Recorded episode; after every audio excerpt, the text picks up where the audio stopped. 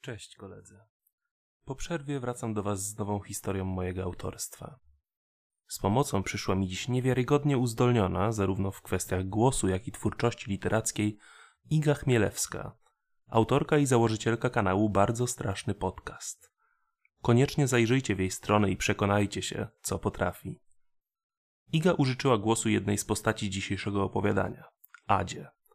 Serdecznie dziękuję za pomoc, a Was, koledzy, zapraszam do wysłuchania Teatru Pleśni. Nie bywam w tym lesie zbyt często. Ot, rodzinny biwak raz na pół roku. Czasem wyprawa na grzyby, raz próba polowania i to w zasadzie tyle. Teren znam o tyle o ile. Mam mapę, mam kompas, mam nawigację w telefonie. Ciężko byłoby mi się zgubić od tak. Wiem, gdzie znajduje się nasze stałe pole namiotowe, gdzie stoi ogromny stos ogniskowy, gdzie harcerze wybudowali niegdyś latryny. Las jest spory, lecz miejsca, po których zazwyczaj się poruszam, znajdują się w odległości od 5 km od głównej drogi. To moja podstawowa zasada. Nigdy nie odchodź zbyt daleko, bo las to wciąż dzikie miejsce. Nieważne jak dobrze przygotowana jesteś, wszystko może się zdarzyć. Tej zasady przestrzegam jak świętego kodeksu. Gdy tylko zdaje mi się, że zaczynam gubić trasę lub wychodzę poza wyznaczony teren, wykonuję w tył zwrot i zmieniam kurs. Kiedyś ojciec zapytał mnie, czy to kwestia strachu, czy boję się zagłębiać w leśne doliny. Po zastanowieniu odparłam, że tak, i nie ma w tym nic dziwnego. Każdy, kto choć jedną noc spędził pomiędzy koronami drzew, wie, co strach może zrobić z człowiekiem. Nieraz słyszałam wrzaski nieodpowiednio przygotowanych obozowiczów, gdy zaskroniec wpełzł im do namiotu.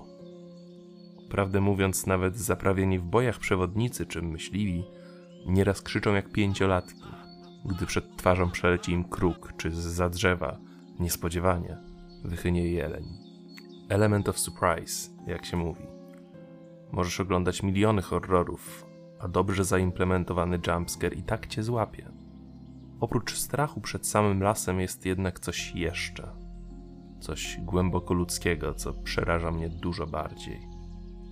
Ten moment, w którym zaczyna ciągnąć cię w głąb. Pojawiające się w głowie pytania, co kryje się za tym drzewem? Czy ten kamień naprawdę jest taki ogromny? Dokąd prowadzą te ślady stóp? I fakt, że mózg nie sprawia im oporu. Po prostu zgadza się, że trzeba coś sprawdzić. Nieraz zdarzało się, że ów sprawdzanie okazało się korzystne. Od za drzewem znalazłam czyjś portfel, pod kamieniem spoczywała lisia rodzinka, ślady stóp poprowadziły mnie do pola namiotowego wesołej gromadki z Bułgarii. Ale czasem, cóż, czasem ludzie dają się pociągnąć i na tym się kończy. Znikają, giną, rozpływają się w powietrzu. W tych stronach zdarza się to szczególnie często. Podobny przypadek spotkał moich znajomych. Można powiedzieć, że z tego powodu wczoraj wybrałam się do lasu. Kilka miesięcy temu moja koleżanka z liceum, Adrianna i jej chłopak Marcin, udali się w te okolice na romantyczny wypad. Zdecydowali, że obóz rozbiją na środku polany, która znajdowała się około dwóch kilometrów od parkingu. Nie zapuszcza się tam zbyt wiele osób z prostej przyczyny. Polana znajduje się w drobnej depresji, pośrodku niczego. Osłonięta jest ze wszystkich stron drzewami i gdyby spojrzeć w jej okolice z odległości kilkudziesięciu metrów, można by jej zwyczajnie nie dostrzec. Wiem to, bo sama niegdyś pokazałam im to miejsce. Koleżanka ma całkiem niezłe rozeznanie w terenie, więc dotarła tam bez problemu. Rozbili nieduży obóz, jeden namiot, dwa rozkładane krzesła i stos ogniskowy. To znaczy, miejsce na ognisko jest wyznaczone kamiennym okręgiem od dawna. Wystarczyło ułożyć kilka suchych patyków. Gdy siedzieli przy tańczących płomieniach, chłopak mojej koleżanki stwierdził, że musi pójść za moment za potrzebą. Udał się na północ, prawdopodobnie z planem znalezienia kompletnie odosobnionego miejsca i powrotu do obozu po około 15 minutach. Było już późno, więc koleżance zaczęły ciążyć już oczy i postanowiła położyć się do snu, wierząc, że jej chłopak zaraz trafi do namiotu. Gdy obudziła się rano, zauważyła, że nie ma go w obozowisku. Nie chciała panikować, wierzyła, że mógł po prostu pójść się przejść czy zapomnieć czegoś z auta. Przez trzy godziny chodziła sama po lesie, szukając chociaż śladu. Oczywiście nie znalazła nic. Zwinęła obóz, próbowała wziąć wszystko za jednym razem. Nie udało jej się. Nie udźwignęła drugiego krzesła, więc z namiotem i jednym rozkładanym siedzeniem ruszyła w stronę samochodu. Rozglądała się po drodze na wszystkie strony, lecz nie było nawet śladu, aby jej chłopak tędy przechodził. Gdy tylko dotarła na parking, wyciągnęła telefon. Tam w końcu był zasięg. Pierwszy numer, na który zadzwoniła, oczywiście jego. Nie odebrał, lecz dostała od niego wiadomość, wysłaną, jak pokazywał ekran, pięć godzin wcześniej, czyli mniej więcej godzinę po tym, jak poszedł w las. Wiadomość brzmiała: Idę się przejść. Nie czekaj. Połączyła kropki. Oznaczało to, że chłopak musiał odejść na tyle daleko, aby złapać sygnał. I wiedziała, że nikt nie ukradł mu telefonu. Do wiadomości dołączył selfie. Jest bardzo jasne, gdyż użył flesza na przedniej kamerze. Widać tam jego twarz uśmiechniętą, podrapaną w wielu miejscach, najprawdopodobniej krzakami. Ma niewyobrażalnie ciemne oczy, jakby przez całą drogę nie używał ani jednego źródła światła, a teraz sam siebie wziął z zaskoczenia fleszem. Za nim nie widać nic, poza koronami drzew, choć i one są ledwo widoczne przez prześwietloną twarz na środku. Chłopak miał duże wąsy, sporą szramę między policzkiem a uchem i miniaturowy srebrny kolczyk w płatku małżowinowym lewego ucha. Wyglądał normalnie, choć te oczy nie dawały jej spokoju. Coś się w nich kryło. Dopiero gdy wysłała mi to zdjęcie, zauważyłam, co mogło być nie tak. Marcin miał piwne oczy, podobnie zresztą jak ona.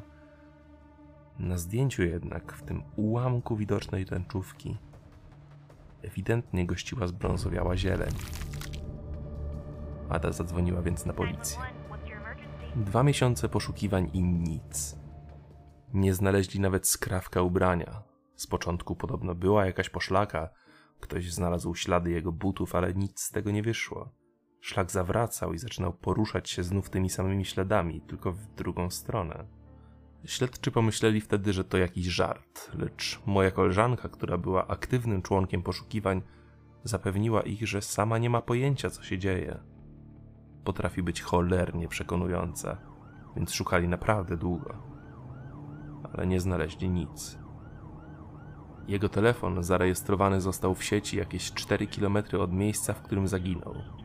Ale gdy śledczy dotarli na miejsce, okazało się, że las tam jest głębszy niż gdziekolwiek indziej.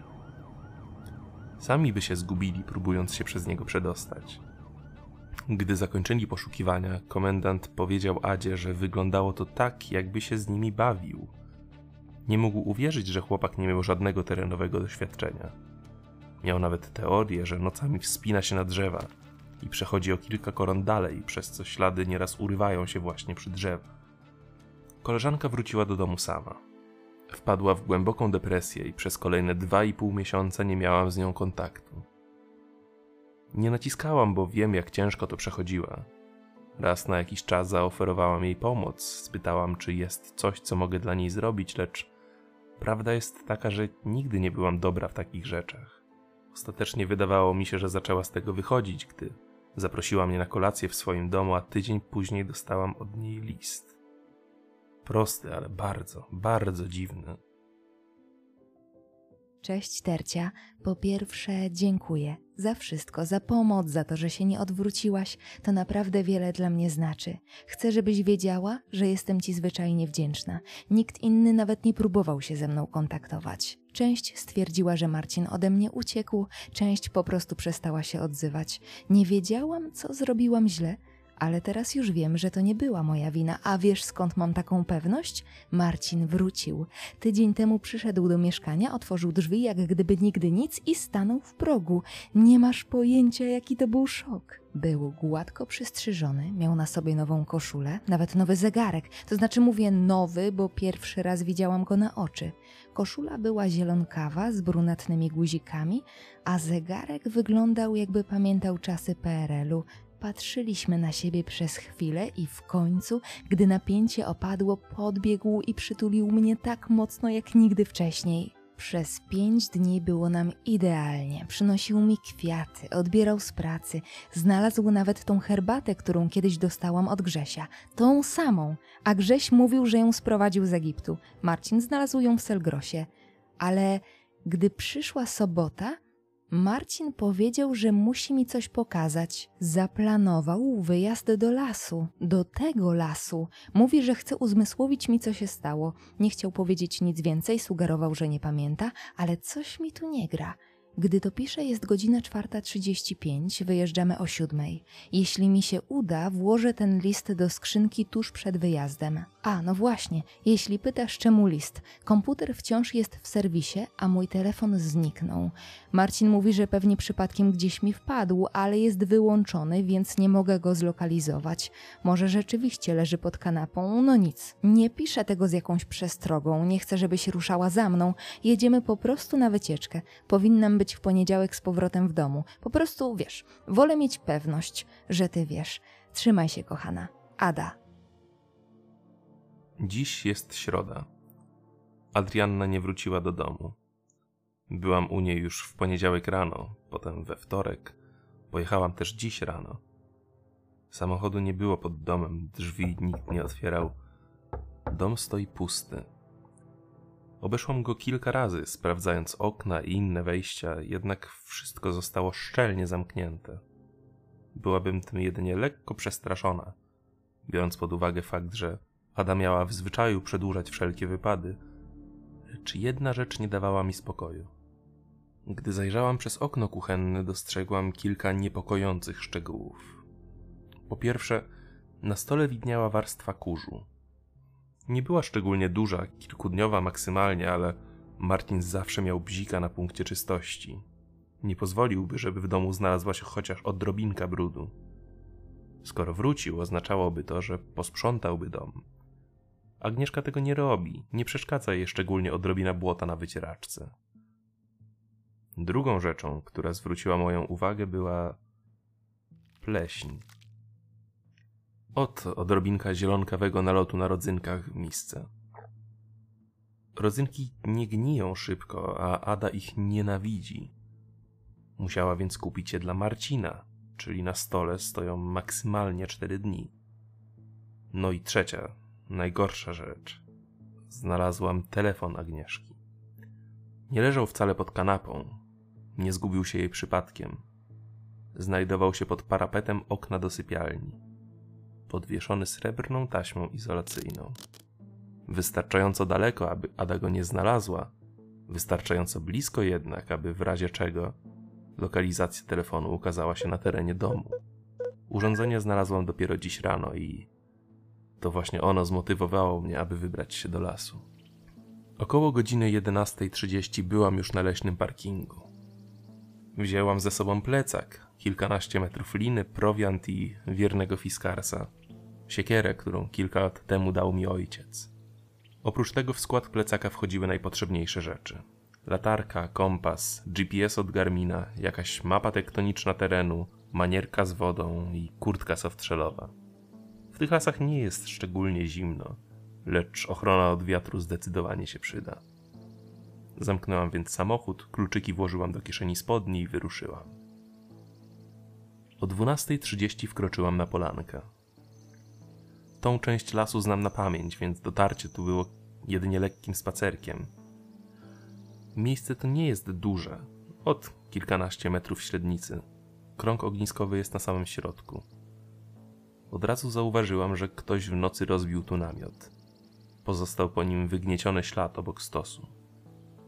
A tuż obok rozkładane krzesło, widocznie już przeżarte warunkami atmosferycznymi. musiało należeć do Ady i Marcina, bo rozpoznałam wzornictwo obicia. Podeszłam bliżej. Na ściółce pod stojącym wcześniej namiotem widać było dwa wyraźne kształty, a więc para. W powietrzu unosił się dziwny smród. Jednak śmieci nie było, co oznacza, że albo szanują przyrodę, albo wiedzą, że grożą za to wysokie mandaty. Agnieszka, choć czystość nie jest jej najmocniejszą stroną, nigdy w życiu nie zaśmiecała lasu. Śmieci skrupulatnie zbierała do woreczka i pozbywała się ich na parkingu. Wiem, że to żaden dowód, lecz intuicja podpowiadała mi, że właśnie znalazłam swój pierwszy trop. To i fakt, że popiół w kręgu ogniskowym wciąż był gorący. Postanowiłam zatrzymać się na moment na polance z nadzieją, że a nuż znajdę coś jeszcze. Obeszłam całe wgłębienie co najmniej trzy razy. Nie powiem, że analizowałam każde źdźbło trawy, ale byłam wystarczająco dokładna, aby zauważyć kilka rzeczy. Krąg ogniskowy został ułożony na nowo. Z początku myślałam, że ktoś przytargał tu nowe kamienie, lecz nie. Zostały po prostu odwrócone na drugą stronę. Wgniecenia w ziemi pod uprzednio stojącym tu namiotem sugerowały, że w środku były dwie osoby. Jedna większa, druga mniejsza. Albo para, albo rodzic z dzieckiem, lecz dziecko na tyle duże, że mogłoby być kilkunastoletnim chłopcem, albo nawet dorosłą dziewczyną. Krzesło, co prawda, było mocno zabrudzone i poszarpane, lecz pomyliłam się przy słowach o znajomym obiciu. Fakt, wzory rzeczywiście przypominały te z należących do Ady foteli, ale tylko z daleka. Gdy podeszłam bliżej, okazało się, że paski i kropki wcale nie były wyszyte. Krzesło w bardzo dziwnym fasonie obrosła pleśń. Tworzyła niemalże labirynt brunatno-zielonych drobinek. To ono właśnie było źródłem tego smrodu. Znalazłam też ślady butów. Dwie pary znów, męskie i damskie.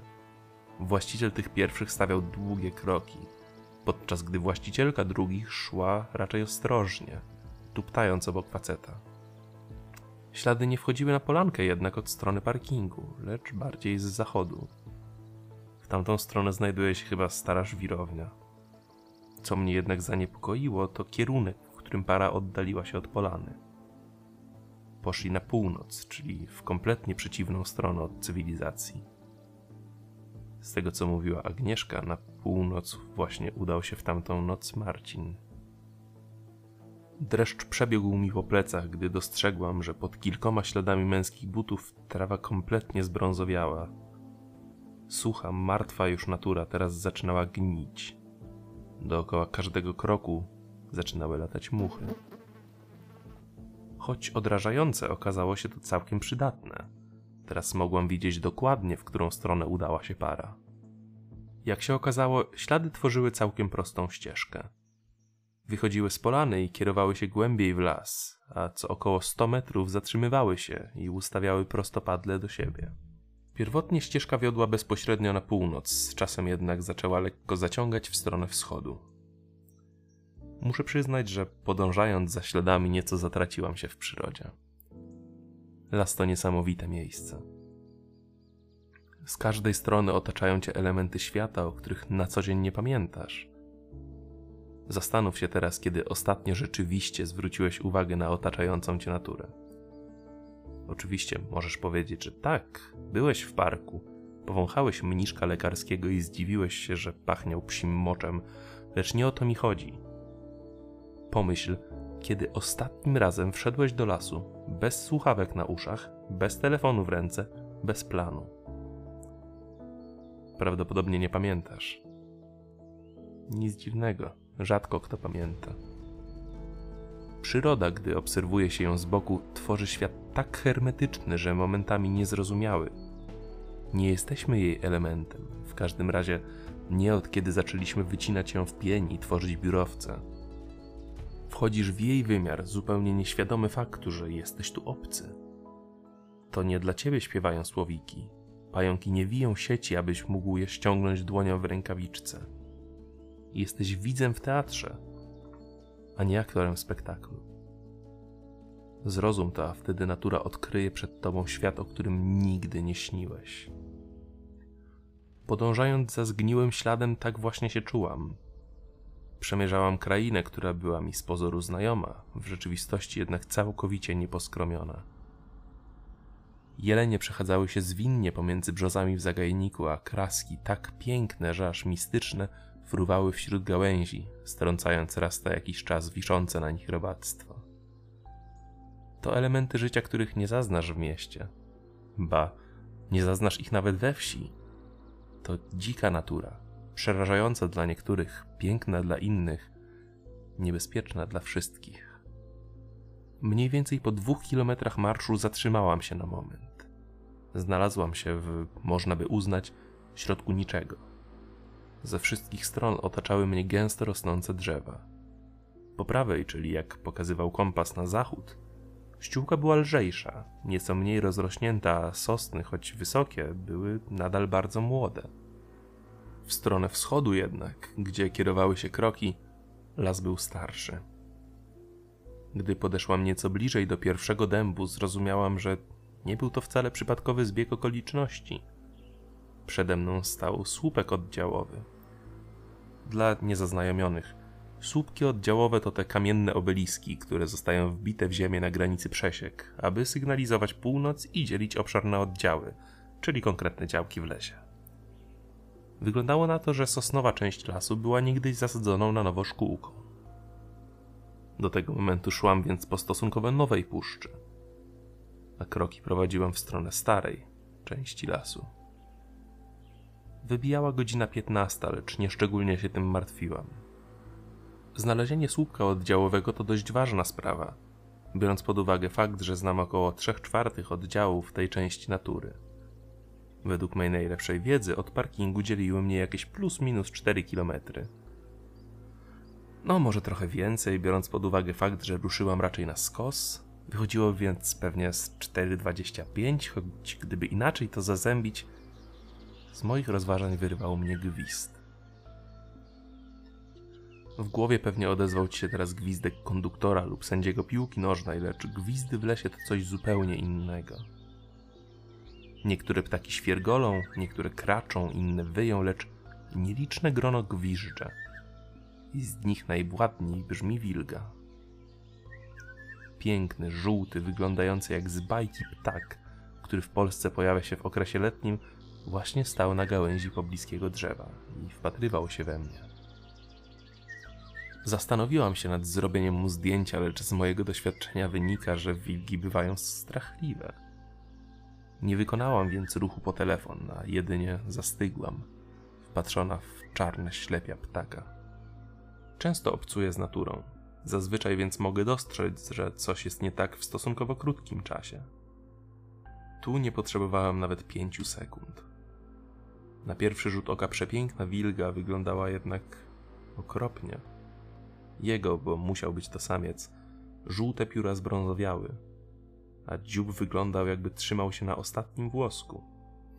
Przez moment przeszła mi myśl, że być może jest to po prostu starszy osobnik, którego kres zbliża się nieubłaganie, lecz czerniawe kropki na podbrzuszu uświadomiły mi, że ta wilga była bardzo młoda. Na tyle młoda, że pióra powinny mieć jaskrawo-żółty odcień z białymi przybłyskami. Tu wszystko było brązowe, wypłowiałe i pleśń. Z prawego oka ptaka wyrastała zielonkawo-brązowa pleśń. Spod obrączki ocznej obrzydliwa miazga zaczęła napierać na pasek i brew, wyciskając oko.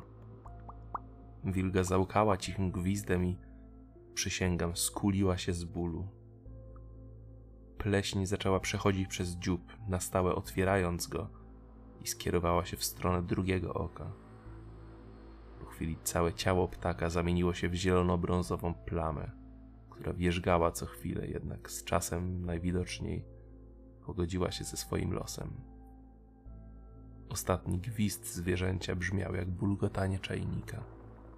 Wilga spadła z gałęzi, rozbryzgując się o ściółkę. Przez moment stałam w miejscu, w moich myślach krążyły tysiące scenariuszy. Pleśń to nie może być normalne, nie jestem ekspertem, ale pleśń nie działa szybko. Zazwyczaj pokrycie czegoś zajmuje jej tygodnie i zawsze bierze się za rzeczy już martwe. Zresztą za truchło ptaka prędzej wzięłyby się muchy, składając w nim larwy. Pleśń nie miała tu miejsca bytu, a jednak. Ruszyłam truchło wilgi kijem, który leżał w pobliżu. Przez chwilę nic się nie działo, lecz przy drugim dotknięciu pleśń wyciągnęła się. Próbowała uchwycić się kija. To była autonomiczna miazga, niezależna od ciała wilgi. Ona nie reanimowała ptaka, działała z własnej woli. Gdy odciągnęłam badel, pleśń zastygła. Około 4-centymetrowa wiotka wisiała w powietrzu jak biznesmen, który chce uścisnąć ci dłoń. W takich przypadkach odmawiam, teraz też, więc postanowiłam nie tracić czasu. Może to głupie. Właśnie zobaczyłam, jak ptak umiera w przeciągu minuty poprzez strawienie przez pierdoloną pleśń, ale zdałam sobie z czegoś sprawę. To znaczy, wtedy już zapewne wiedziałam, lecz dopiero dotarło do mnie w całej powadze sytuacji, że ślady Marcina były zapleśnione. Albo czekał go ten sam los co Wilga, albo to on, pośrednio lub bezpośrednio, był źródłem tego cholerstwa. A Ada była z nim. Im głębiej w stary las się zapuszczałam, tym bardziej zdawałam sobie sprawę z faktu, że Wilga nie była odosobnionym przypadkiem. Prawie wszystko nosiło tu choć drobne znamiona pleśni. Wyciągnęłam swoją siekierkę i odgarniałam pleśniejące gałęzi sprzed twarzy, lawirując między nimi na różne sposoby, aby tylko nie dotknąć ich dłońmi. Ptaki spadały z nieba, gdy kroczyłam między drzewami. Pod korą brzus pulsowała zielono-brunatna masa. Liście, które wciąż powinny znajdować się na koronach drzew, były trawione w czasie rzeczywistym pod moimi stopami. Rodzina jeży drepcząca pomiędzy chaosem zatrzymała się przed moimi butami. Gdy pierwszy z nich podniósł głowę, dostrzegłam, że dla nich też było już za późno. Z nosa zwierzęcia wydostawała się zielona piana, gęsta i wolno płynąca. Wszystko tu umierało. Pomyślałam wtedy na ułamek sekundy, czy ja też. Te myśli musiały jednak nieco poczekać. Adrianna co prawda nie była moją najbliższą przyjaciółką. Cholera, nie wiem, czy w ogóle ktoś nią był, ale zaufała mi. Wierzyła, że w razie czego to ja będę mogła jej pomóc. Z takim nastawieniem ruszyłam, z takim nastawieniem ją znajdę.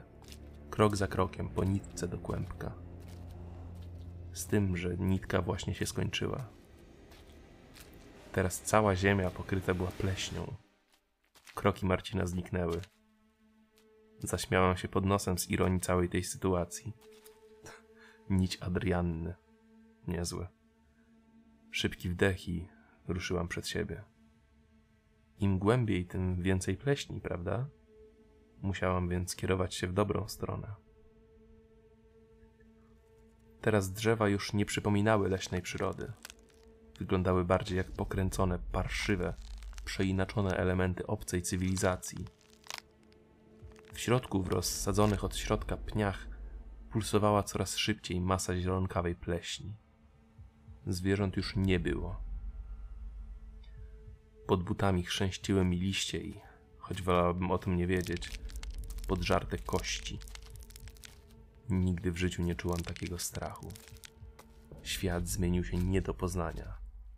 Nic nie wyglądało tak, jak powinno. Wszystkie elementy znajomej rzeczywistości rozpłynęły się, rozlały. Schowałam siekierkę za pasek. Nie było już czego odgarniać.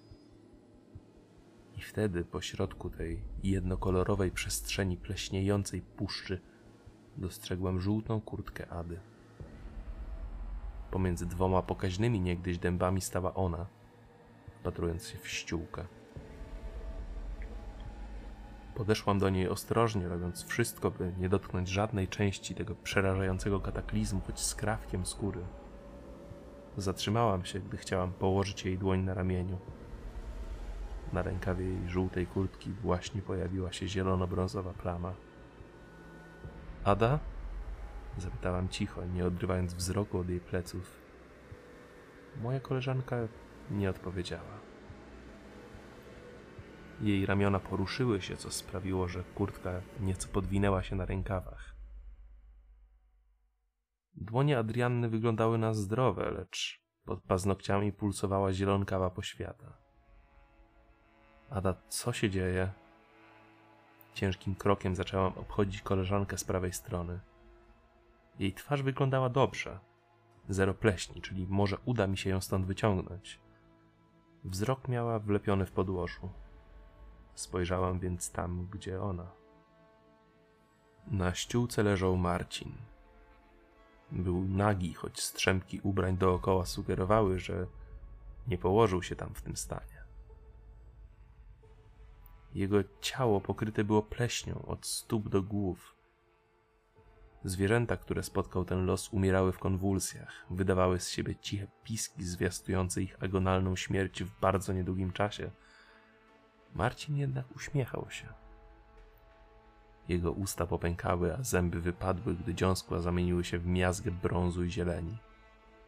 Oczy, niegdyś piwne, teraz były chorobliwie jasnozielone. Marcin nie próbował się ruszyć, choć na pierwszy rzut oka i tak nie mógłby tego zrobić. Leżał na krzyż, z ramionami rozpostartymi na boki. Jego palce wydłużyły się, choć nie, one wcale nie były już palcami, w dziwaczny sposób połączyły się ze ściółką. Pulsująca masa pokryła ciało mężczyzny i zagarnęła je. Przywłaszczyła sobie wszystko, czym był wcześniej. Niegdyś dość interesujący, choć momentami seksistowski i chamski, facet został pożarty przez siłę tej nienaturalnej natury. Uśmiech wciąż gościł na jego twarzy, lecz nie mam pojęcia, czy uśmiechał się Marcin, czy to pleśń w końcu postanowiła przybrać oblicze. Poczułam wtedy dreszcz. Jakbym nie miała tego oglądać. Jakby miała to być podniosła chwila w historii, w którą nie byłam zamieszana. Wtargnęłam w czyjąś opowieść i przerażona próbowałam ją przerwać. Odwróciłam się do Ady, gdy dostrzegłam ruch po swojej lewej stronie. I rzeczywiście, moja koleżanka stała teraz przodem do mnie. Musiałam popełnić błąd, uznając, że nie jest z nią tak źle. Lewa część twarzy pulsowała. Nie widziałam pleśni na jej twarzy, lecz żyły pod skórą przybrały zielonkawy odcień. Lewe oko Ady zmieniło kolor z piwnego na jaskrawą miętę. Cześć, Tercia. Fascynujące, prawda? Martin chciał mi coś pokazać. Spójrz na niego. Piękny jest. Piękny. Gdy otwierała usta, jej język wyraźnie stracił swój naturalny koloryt. W gardle wirował jej i uderzał zielony obiekt, który syczał, gdy dotykała nim podniebienia. Chciałam się odezwać, lecz nie mogłam. Wiedziałam, że właśnie oglądam koniec przedstawienia. Ja tu zostanę. Z Marcinem. Ty możesz wracać. Dzięki, że wpadłeś.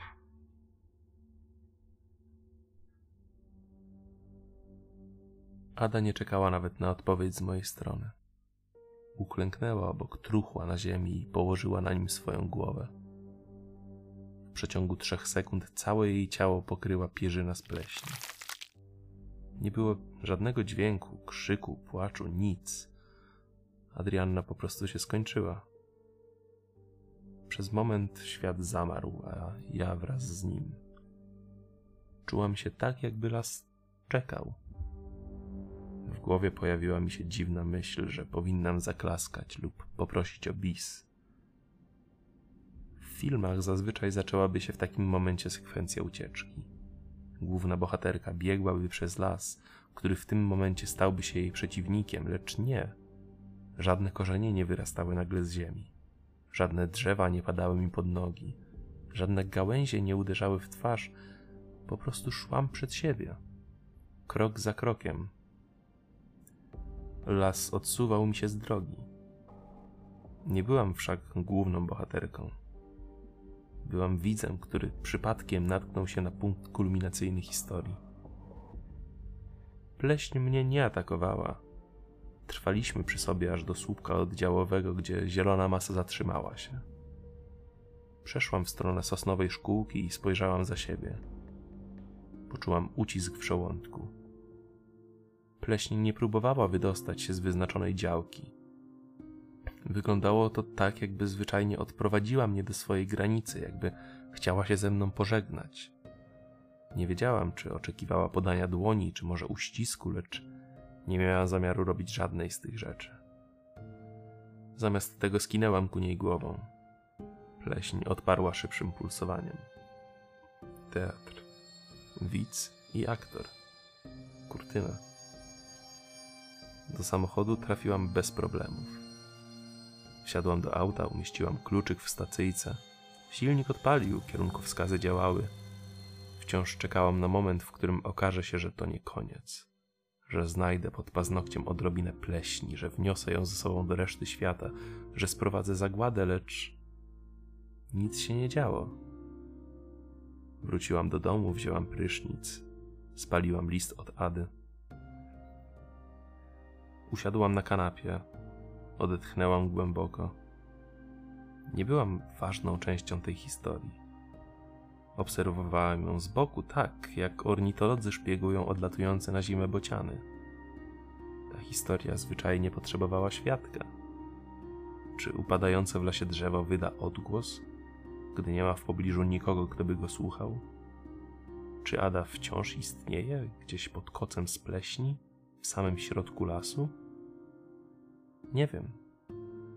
Ty też nie wiesz, bo ostatecznie nie jest to nasza sprawa.